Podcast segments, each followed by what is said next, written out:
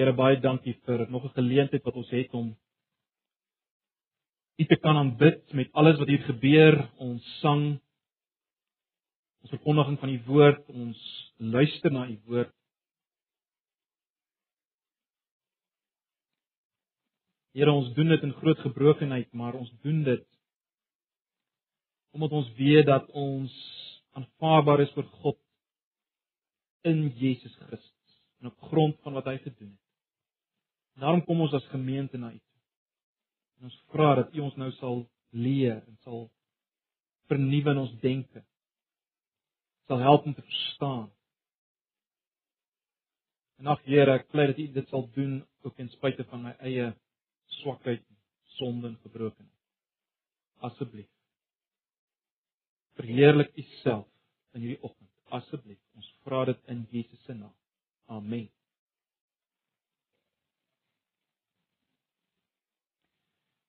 Efesiërs hoofstuk 5, ek gaan eh, saam lees vanaf vers 15 tot 21. Ek gaan maar begin om die 83 vertaling te lees, maar ek sal wel wys op uh verskille wat ek dink tog belangrik is vir die verstaan van hierdie gedeelte. Efesiërs hoofstuk 5 Baie belangrik dat jy sal volg in die Bybels, dinge wat ons raak sien. Efesiërs 5 vanaf vers 15. Wees baie versigtig hoe jy lewe, nie soos onverstandige mense nie, maar soos verstandiges. As jy die 53 vertaling het, sal jy sien die woord wysheid word gebruik. Nie as onwyses nie, maar as wyses. Vers 16 Maak die beste gebruik van elke geleentheid. Koop die tyd uit, sê die letterlike. Maak die beste gebruik van elke geleentheid want ons lewe in 'n goddelose tyd. Moet daarom nie onverstandig optree nie, weer die woord wysheid. Uh moet daarom nie onverstandig of onwys optree nie, maar probeer te weet te kom wat die Here wil dat jy moet doen. Meer letterlik, maar verstaan wat die wil van die Here is. Dis wat letterlik daar staan. Ek sal nou weer daarna verwys. Vers 18 moet julle nie aan drank te buite gaan nie, daarmee gaan ons bandigheid gepaard. Nee, laat die Gees julle vervul en sing onder mekaar psalms, lofsange en ander geestelike liedere. Sing met julle hele hart tot eer van die Here. Dank God die Vader altyd oor alles in die naam van ons Here Jesus Christus. Wees uit eerbied vir Christus aan mekaar onderdanig. Ons lees net so ver.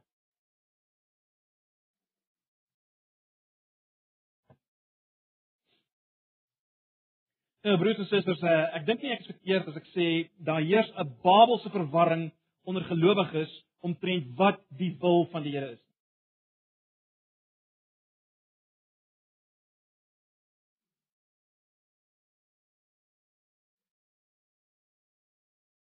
Daar is diegene wat gedurig aan die soek is na die wil van die Here. So asof die Here dit sy wil weggesteek het en ons moet dit probeer opspoor. En is net regtig die wat gevorder het of gevorderd is in die Christelike geloof wat in staat is om hierdie wil te ontdek. Uh hierdie wil is op weggesteek iewers in die skrif sodat net die ouens wat werklik erns maak en 'n studie maak hierdie wil ontdek of dis iewers in 'n geheime kode verborge of jy moet spesiaal geleer het hoe om werklik die stem van die Here te hoor sodat jy sy wil kan onderskei. So jy kan weet wat hy wil. Jy moet sy stem kan hoor om te weet wat hy wil. Nou, nodeloos om te sê dat vir baie Christene is die wil van die Here daarom 'n baie mooi gedagte. Maar hulle het lankal opgehou om te probeer weet wat die wil van die Here vir hulle is. En hulle twyfel steeds, elke dag, is ek besig met die wil van die Here of nie?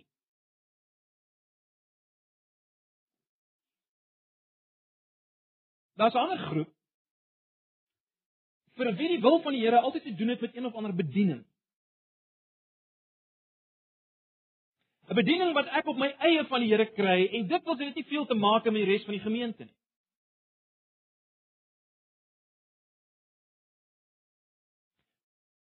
baie selde broers en susters uh verwag mense dat die wil van die Here te maak het met hoe ek leef as man, vrou, kinders teenoor ouers, ouers teenoor kinders. Dis dikwels nie uh die eerste vraag op die tafel nie. Dit gaan oor 'n bediening of 'n roeping na een of ander land. Dis waarmee die wil van die Here te doen het. Of daardie selfe roeping of bediening uh my huwelik laat skade ly of my verhouding met my kinders, dis eintlik nie ter saake nie.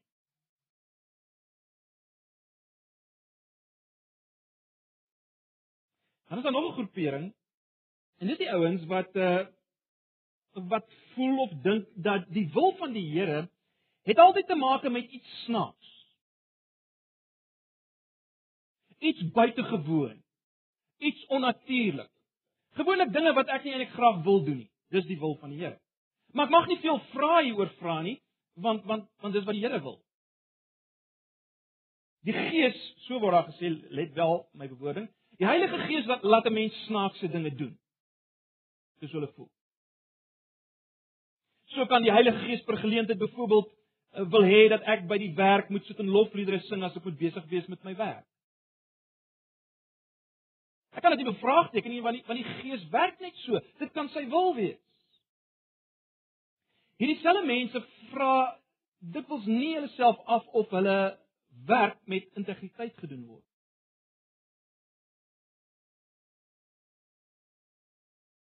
Met toewyding en eerlikheid en al hierdie dinge.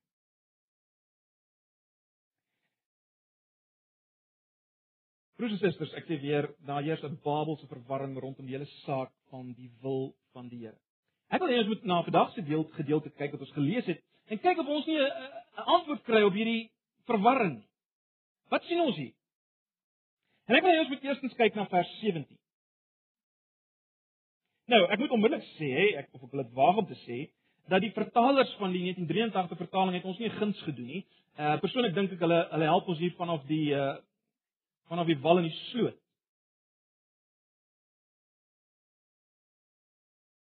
Met hulle vryer vertaling. Jy sal sien die vertaling in die 83 vertaling lees, moet daarom nie onverstandig optree nie, maar probeer te weet te kom. Probeer te weet te kom wat die wil van die Here is. Of wat die Here wil. Dit skep natuurlik weer die indruk dat die dat die wil van die Here uh gesoek moet word en nie noodwendig gevind sal word. Stem julle saam? Dit skep weer die indruk uh jy moet dit soek, maar dit dit gaan nie noodwendig gevind word nie. Luister 'n bietjie na die 53 vertaling wat uh meer letterlik die Grieks weergee en ook die die ESV, die English Standard Version. Luister 'n bietjie mooi. Daarom moet julle nie onverstandig wees nie, maar verstaan wat die wil van die Here is. En dan die ESV, therefore do not be foolish but understand what the will of the Lord is. Die wil van die Here kan verstaan word. Terloops, baie interessant, hier word 'n imperatief gebruik in die Griekse taal. Dis 'n opdrag. En 'n imperatief, 'n opdrag word gewoonlik nie gebruik vir iets wat nie bereik kan word. En die opdrag is let wel verstaan.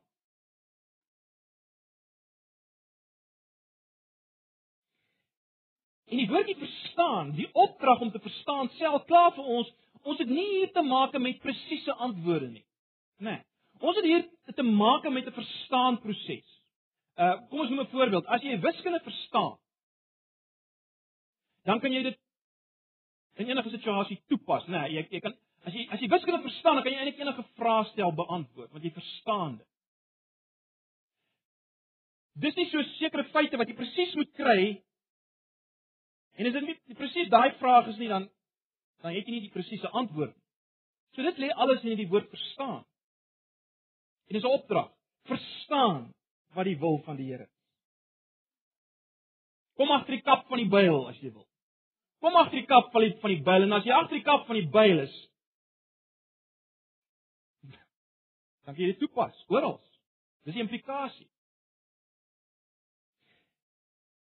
Die opdrag tot verstaan van die wil van die Here in vers 17 is egter onlosmaaklik met dit wat ons kry in vers 15 tot 17. Kom ons lees dit net weer in vers 15. Wees baie versigtig hoe jy lewe, nie soos onverstandige mense nie, maar soos verstandiges. Letterlik pas dan op dat jy nou gesê wandel nie as onwyse nie, maar as wyse. Vers 16: Maak die beste gebruik van elke geleentheid. Want ons lewe in 'n goddelose tyd. Moet daarom nie weer eens nie onverstandig optree nie. En dan die gedeelte waarna ons nou gekyk het. Wat sien ons broers en susters? Ons sien baie duidelik, die wil van die Here gaan nie saam met onverstandigheid. sien julle? Die wil van die Here gaan nie saam met onwysheid nie. Dit is baie duidelik uit dit wat ons nou gelees het vanaf vers 15. Afhangende van watter vertaling jy het, onwysheid, onverstandigheid en die wil van die Here gaan nie saam nie. Wat is hierdie wysheid of verstandigheid waarvan hier gepraat word in vers 15 tot 17? Daar's 'n paar dinge wat ons moet raak sien. In die eerste plek, volgens Paulus is Christene per definisie wyses. Sophoi, dis die woord wat hy gebruik word. Wyse mense, nie dwaase mense. En die hele punt is ons moet nou daarvolgens begin leef. Die nie-Christen is per definisie onwys.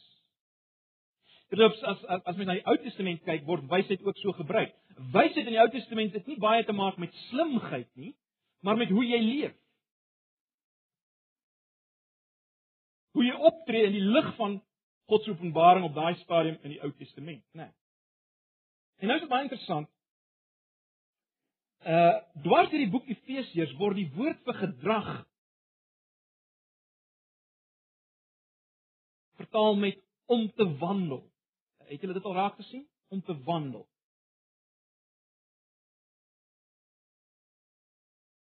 Dis wat die 53 vertaling gebruik. Uh kyk net weer na vers 15. Pas dan op dat julle nou gesê wandel. Die 1983 vertaling praat van wees versigtig hoe julle lewe. En julle kan julle kry die gedagte nê nee, om te wandel, om te lewe. gaan oor gedrag. En en baie duidelik, die Christelike gedrag moenie langer wees volgens die vlees en die duiwel nie, die sondige natuur en die duiwel nie. Dit het ons reeds in hoofstuk 2 gesien, vers 1 tot 3. Onthou julle, ons daarna gekyk. Die natuurlike mens leef eintlik maar soos die wêreld hom voorsê en agter die wêreld is iets vir die duiwel en en en hy leef uiteindelik volgens sy sondige begeertes wat deur hierdie goed gestimuleer word in die wêreld en so mee. Die Christen moenie so lewe nie of soos die heidene lewe nie. Kyk net na vers 17 van hoofstuk 4. In die naam van die Here doen ek 'n beroep op julle, ernstige beroep op julle, moenie langer soos die heidene lewe nie. Weerens in die in die meer letterlike vertaling in die 1953 kry ons die woord wandel in vers 17 van hoofstuk 4. Dit sê en betuig ek dan in die Here dat julle nie meer moet wandel soos die heidene. Jy sien dit gaan alles oor gedrag, né? Nee, gaan alles oor gedrag. Dis die negatiewe. Positief gesproke moet die Christen leef uh in die lig van die roeping waarmee God hom geroep het. In liefde as kinders van die lig. Kyk net vinnig na 'n paar verse. 4 vers 1. Hoofstuk 4 vers 1. Ek druk julle dit op die hart. Ek wat 'n gevangene is omdat ek die Here dien. Laat julle lewens wandel in ooreenstemming wees met die roeping wat julle van God ontvang het. En dan gaan hy dan praat hy oor nederigheid, beskeidenheid ensovoorts, gedra van mekaar. Weereens in vers 1 kry ons die woord wandel in die oorspronklik. Laat julle wandel in ooreenstemming wees met julle roeping. Hoofstuk 5 vers 1.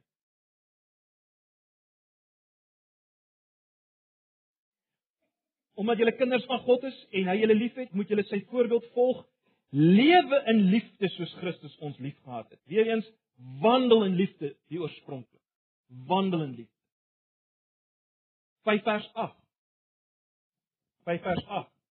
Vroer was julle die ene duisternis, maar nou in die Here is julle lig. Leef dan as mense van die lig of wandel dan as mense van die lig. En nou kom Paulus verder en hy en hy doen 'n beroep op hulle om versigtig te wees, oplettend te wees en gedurig so te lewe. Gedurig so te lewe. Dan word dit die wil van God het te maak met met 'n versigtige lewe om die waarheid te sê. Vers 16 sê koop die tyd uit of maak jy maak die beste gebruik van elke geleentheid. Elke geleentheid. Met ander woorde, lewe gedurig so. Nie soos maar soos waaroor Paulus nou al geskryf het. Wandel so. Wees versigtig dat jy al jou tyd gebruik om so te lewe. Ook in die klein oomblikies van die lewe. Ons het al gepraat oor daai klein oomblikies van die lewe, né? Nee. Kom gee 'n simpel voorbeeld. As jy die oggend voor die kerk toe kom, jou tande wil borsel en iemand het jou tandepasta gevat, wat gebeur dan? Begin jy op almal rondom jou skree omdat jou spoed gebreek is vanoggend?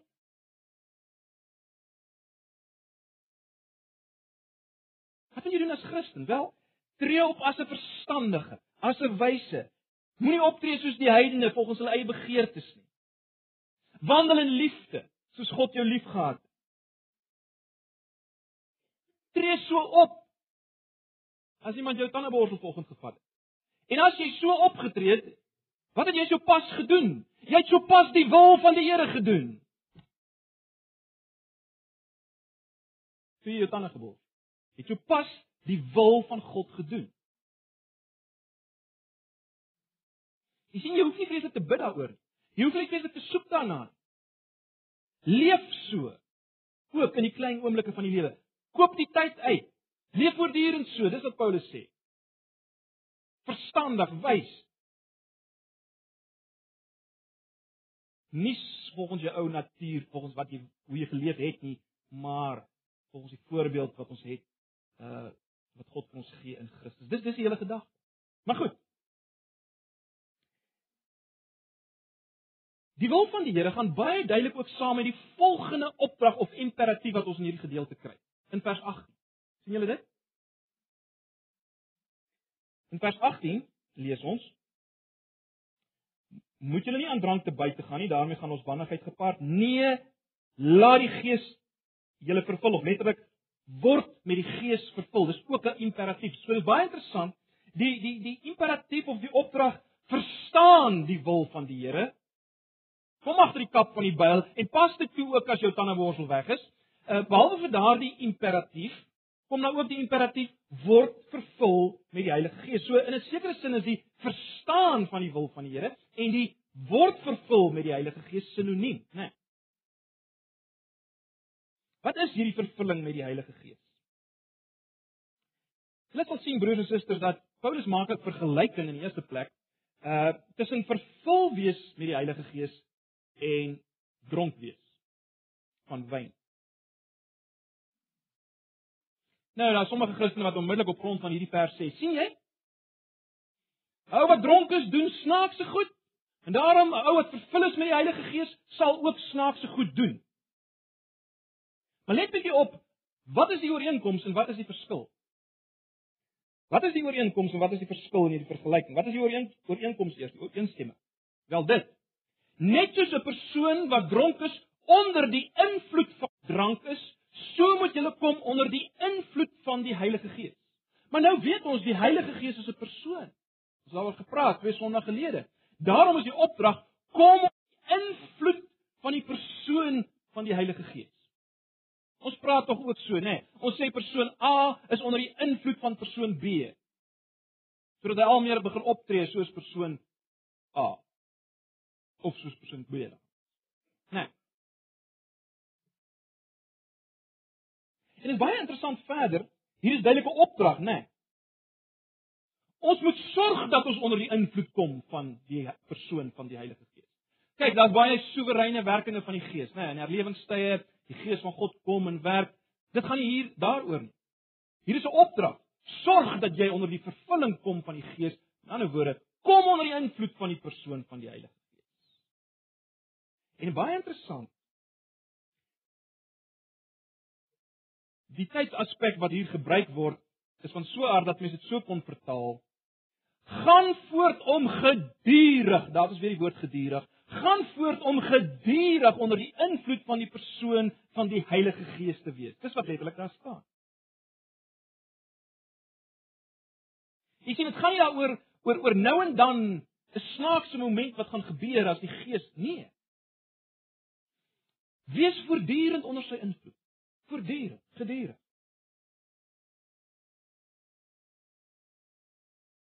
So dis die ooreenstemming. Wat is die verskil tussen die persoon wat in onder die invloed van drank is en die persoon onder die gees, onder die invloed van die gees? Wel, Paulus sê dit. Moet julle nie aan drank te buite gaan nie. daarmee gaan losbandigheid gepaard. daarmee gaan losbandigheid gepaard. Kom ek stel dit so, as jy alkohol farmaseuties klassifiseer en nou met die dokters my reg help of ek verkeerd is, as jy dit regtig farmaseuties gaan klassifiseer, val alkohol eintlik onder depressante. Want dit onderdruk die hoogste funksies van jou brein, jou selfbeheersing, jou oordeel, jou balans en so meer. Dit onderdruk dit. Nee. Let op wat vloei voort onder invloed van die Heilige Gees. Ek gaan net nou meer iets hiervan sê, maar elke deel van jou menswees, verhouding met God word beïnvloed, verhouding met mekaar word beïnvloed, verhouding tussen ouers en kinders, man en vrou en werkgewer en werknemer. Ek sal net nou daarna vinnig kyk. Maar net dat julle dit hier kan raak sien. So daar's 'n ooreenstemming tussen die ou wat dronk is van wyn en die ou onder die invloed van die Gees. Ooreenstemming is die kwessie van onder die invloed wees. Die verskil is radikaal. Die verskil is radikaal. Die Gees stimuleer elke deel van jou menswees. Drank onderdruk dit.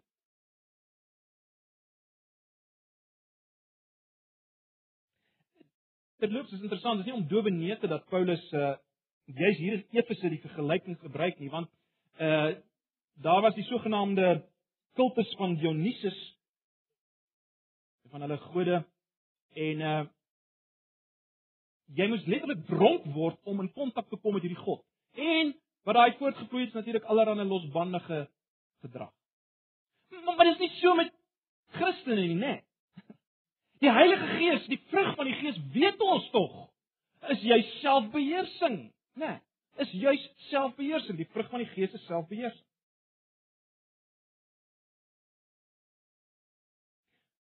Wat wou gehad het met julle moes julle raak sien. Eerstens Paulus praat van praktiese lewenswandel waar daar in wysheid gewandel moet word in die lig van 'n sekere verstaan van hoe 'n Christen is en moet lewe. En nou het ons gesien die vervulling met die Heilige Gees bevorder juis dit te druis en in nie. Dit bevorder juis hierdie tipe lewenswandel van verstaan, van wysheid, né? Nee. En nou is dit baie interessant. Blaai vir 'n oomblik na Kolossense. Kolossense 3. Kolossense hoofstuk 3. Kolossense 3 vers 16. Vers 16 lees as volg: Die boodskap van Christus moet in sy volle rykdom in julle bly, leer en onderrig mekaar met alle wysheid. Kom ek lees vir julle die nog meer die letterlike vertaling in die 53.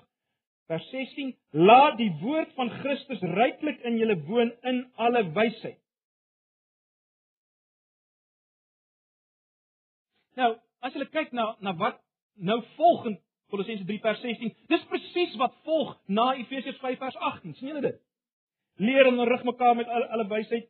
Uh met dankbaarheid in julle harte moet julle psalms, lofgesange sing. Dan gaan hy voort in vers 18: Vrouens wees aan julle mans onderdanig. Uh kinders en dan weer werkgewer, werknemer. Dis presies 'n amper 'n letterlike afskrif van Efesiërs 5 vanaf vers 18. sien julle dit?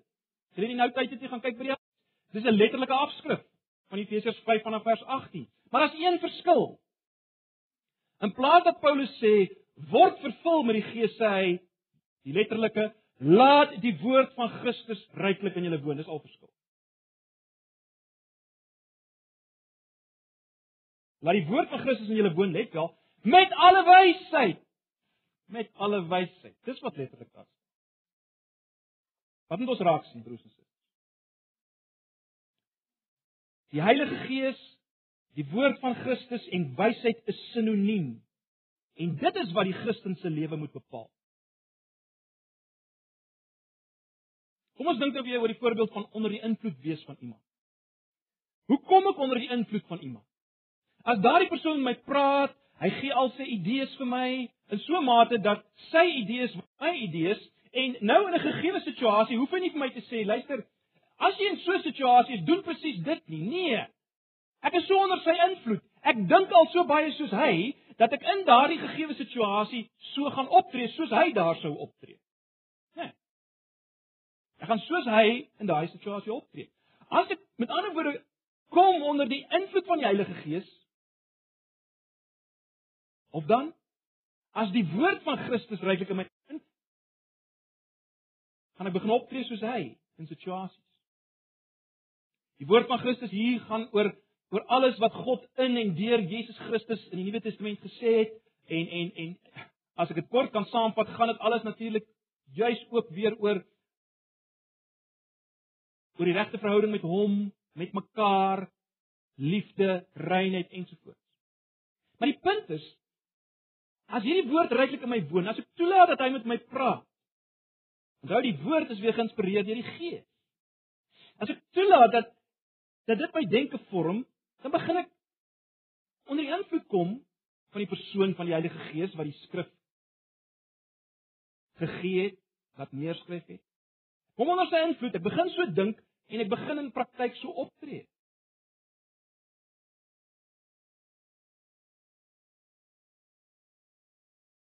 Geloofs broers en susters, in die Ou Testament.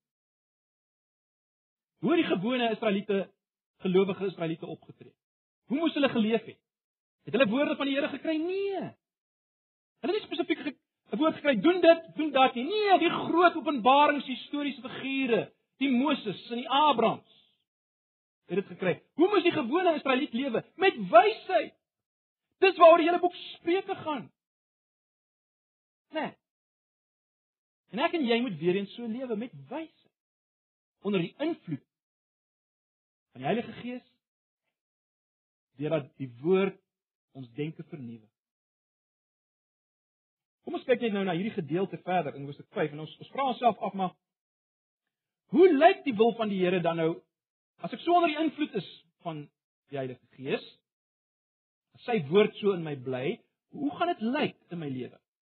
En miskien moet ons eerder sê, hoe gaan dit lyk in 'n gemeente se lewe? Miskien moet ons wegbeweeg van die individualisme hier. Hoe gaan dit lyk in 'n gemeente se lewe? Wel, hier's 'n paar dinge wat baie duidelik is, né? Nee. Ons kan tussen sê implisiet uh in die lig van wat ons nou net gesê het, implisiet gaan my lewe die teenoorgestelde lyk as die van 'n dronk mens. Dis implisiet hier, né? Nee.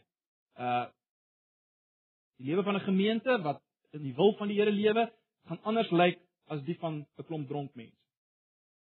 Met alles wat dit tot gevolg het. Maar wat is die volgende ding wat ons raak sien? Daar gaan gemeenskap wees met mekaar. Ons skryf dit in vers 19b. Sing onder mekaar psalms, lofgesange en ander geestelike liedere. Letterlik spreek onder mekaar met psalms en lofsange en geestelike liedere. Dis die eerste ding wat ons sien. So dit is baie duidelik die wil van die Here is dat ons bymekaar is as gemeente. Dis die implikasie hier, né? Nee. Dit is onmoontlik om uh, mekaar te versterk en te bemoedig as jy nie by by mekaar is nie. So dit is duidelik hier op die oppervlak. En dan word as jy nie iewers op jou eie besig is met jou eie ding nie. As jy by mekaar is by die met die medegelowiges, eh, dan is jy besig met die wil van die Here. En dit lyk vir my sang is belangrik. En dit gaan hier oor dit het julle gesien letterlik daaroor dat ons mekaar met mekaar praat deur wat ons sing. Die beste manier om mekaar as groep te bemoedig, die effektiefste manier is om mekaar die groot waarhede van dit wat God in Christus gedoen het te sing. En dis die wil van die Here. Die volgende ding aanbidding vers 19b. Sing met julle hele hart tot eer van die Here. Sonder om 'n lang uh, lankie oor te praat, Die fokus is hier nie meer die mekaar nie, die fokus is vir die Here en die fokus is dit wat uit die hart uitkom. Dis wat vir God belangrik is. Dit wat in jou hart omgaan as jy ook hier sing. Die aanbidding van Hom en dis sy wil vir 'n gemeente en dan vir individue in die gemeente. Vers 20. Dank God die Vader altyd oor alles in die naam van ons Here Jesus Christus. Dit gaan hier oor dankbaarheid vir wat ons het in Christus Jesus. Ons vergeet so maklik broers en susters, dis die uitvloeisel van vervul wees met die Heilige Gees. Dankbaarheid. En dis die wil van God. En dan onderdanigheid vers 21. Wees uit eerbied vir Christus aan mekaar onderdanig. Verloops vers 21 is weer so bevel, so imperatief, né? Nee. Dis weer 'n bevel vers 21. Wees aan mekaar onderdanig uit eerbied vir Christus of dan omdat Christus dit wil. Uh, dit is interessant in in in in die Grieks is hierdie een lang sin. Of laat ek so stel, hier is die hoofsin, wees aan mekaar onderdanig. En alles wat volg is bysinne. Né? Nee, mans en vrouens, ouers, kinders, werkgewer, werknemer. Tot by vers 9 is alles bysinne van die hoofsin, wees aan mekaar onderdanig. So wat sien ons? Iemand wat gevul is met die Heilige Gees is nie aggressief nie, dwing nie homself af nie. Die Heilige Gees is 'n nederige gees, die gees van Jesus, en daarom die wat vervul is met die Heilige Gees sal sagmoedig wees, nederig wees soos Jesus. En hierdie gesindheid van nederigheid sal 'n spesifieke vorm aanneem vir vrouens en vir mans en vir kinders en vir ouers en vir werkgewers en vir werknemers. Dit gaan 'n spesifieke vorm aan.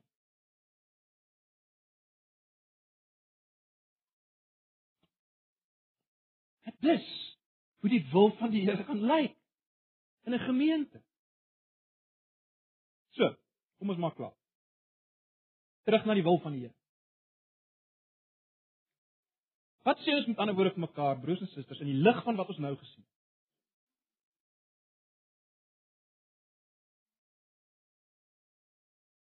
Dit. Dis moontlik om elke oomblik volkome volgens die wil van die Here te leef. Vir elke Christen. Terwyl Paulus praat hier met ouens wat uit die heidendom gekom het. Hier is Efese. En hy sê vir hulle, verstaan wat die wil van die Here is.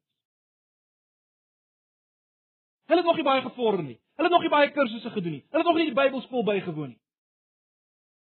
Hy sê dit vir hulle. En daarom sê ek weer, ek en jy kan elke dag volkome weet wat die wil van die Here is. Selfs in die klein oomblikies van die lewe. Jy sien, die wil van die Here het minder te maak met iets wat ek moet ontdek as wat dit te maak het met gehoorsaamheid van wat ek weet. Van 'n toepassing van dit wat ek nou verstaan.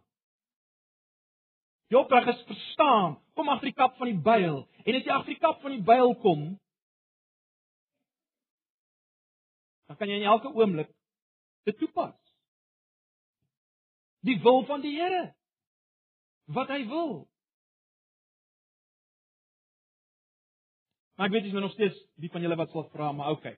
Okay Jakobus, ons hoor wat jy sê, maar watter werk moet ek vat? Met watter vrou moet ek trou? Dalk skok ek julle. Trou met die vrou wat jy wil trou. Vat die werk wat jy wil vat. As jy onder invloed van die Heilige Gees is, begin dink soos Christus. As jy hierdie dinge waarvan ons nou gepraat het, begin toepas, want dan sal wat jy wil in ooreenstemming wees met wat die Here wil.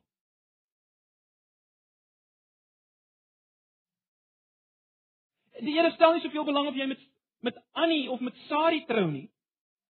Hier is sy wil. Of jy met Annie trou of met Sari trou, dit bly sy wil. Hy gee nie om wat te werk jy vat nie, solank jy in jou jou werk in ooreenstemming is met dit wat ons hier gesien het en jy by 'n gemeente kan wees byvoorbeeld waar jy saam bemoedig kan word en God kan aanbid. Die werk wat hy wil hê moet 'n werk wees wat jou huwelik bevorder in jou verhouding met jou gesin. As geen manier hy wil hê jy moet ander werk doen nie. Geen manier nie. Sy wil. Sy wil. In kort kan ons sê die wil van God vir my en jou broers en susters is 'n lewe in verstandigheid of in wysheid wat waar gevind word, wat gevind word in die woord van God soos geopenbaar in Jesus en wat hy gesê en gedoen het. En dis 'n lewe onder die invloed van die persoon van die Heilige Gees wat hierdie woord ingegee het. En hierdie Heilige Gees wil ten diepste die eenheid hê in die gemeente. Hoofstuk 4 vers 3 sê hy het die eenheid daar geskep. Hy wil 'n eenheid hê in die gesin wat 'n afbeelding weer daarvan is. Hy wil hê jy moet in al jou verhoudinge soos Jesus optree, dis tog basies. Dis sy wil.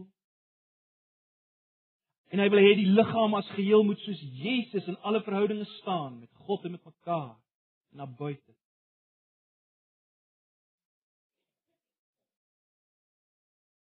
Terloops broers en susters, die wil van die Here is sal nooit vir jou wees buite sy liggaam. Dis onmoontlik. Want alles hier gaan oor sy liggaam. Julle Efesiërs gaan daaroor.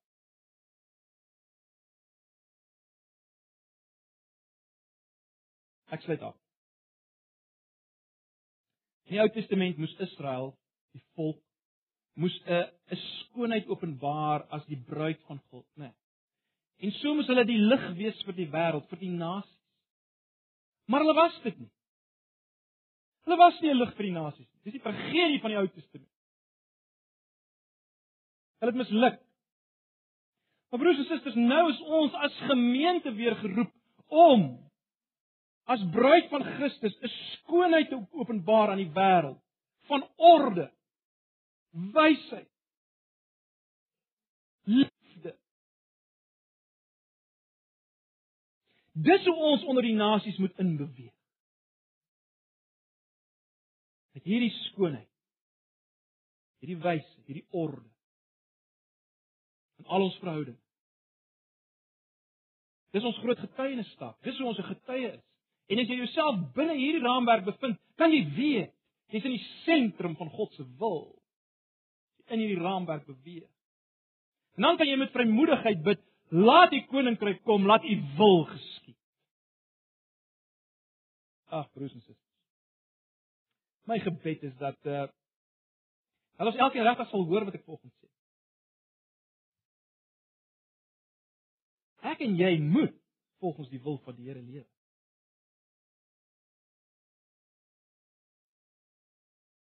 maar dis sy wil. Dis sy wil. Daarom moet ek en jy elkeen vir onsself gaan afvra. Is ek onder die invloed van die Heilige Gees? Dink ek al soos Jesus dink? Is dit die prioriteite? Leef ek anders? As heidene, met ander woorde nie Christen. Verstaan ek dit? Is ek agter die kap van die byl van Christen wees? In elke situasie, vanaf die oggend dat ek opstaan tot ek gaan slaap. Ag, mag die Here ons genade gee. Om hierdie opdrag te gehoorsaam van verstaan die wil van die Here word vervul met die Heilige Gees. Amen. Kom ons bid saam. Ag Here baie dankie vir u woord. Volg. Dankie dat u vanoggend vir ons kom sê wat u wil is.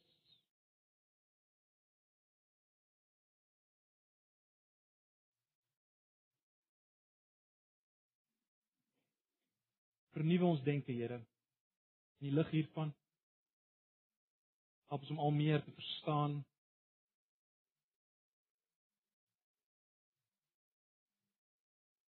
dit wat ons moet verstaan as wyses asseblief.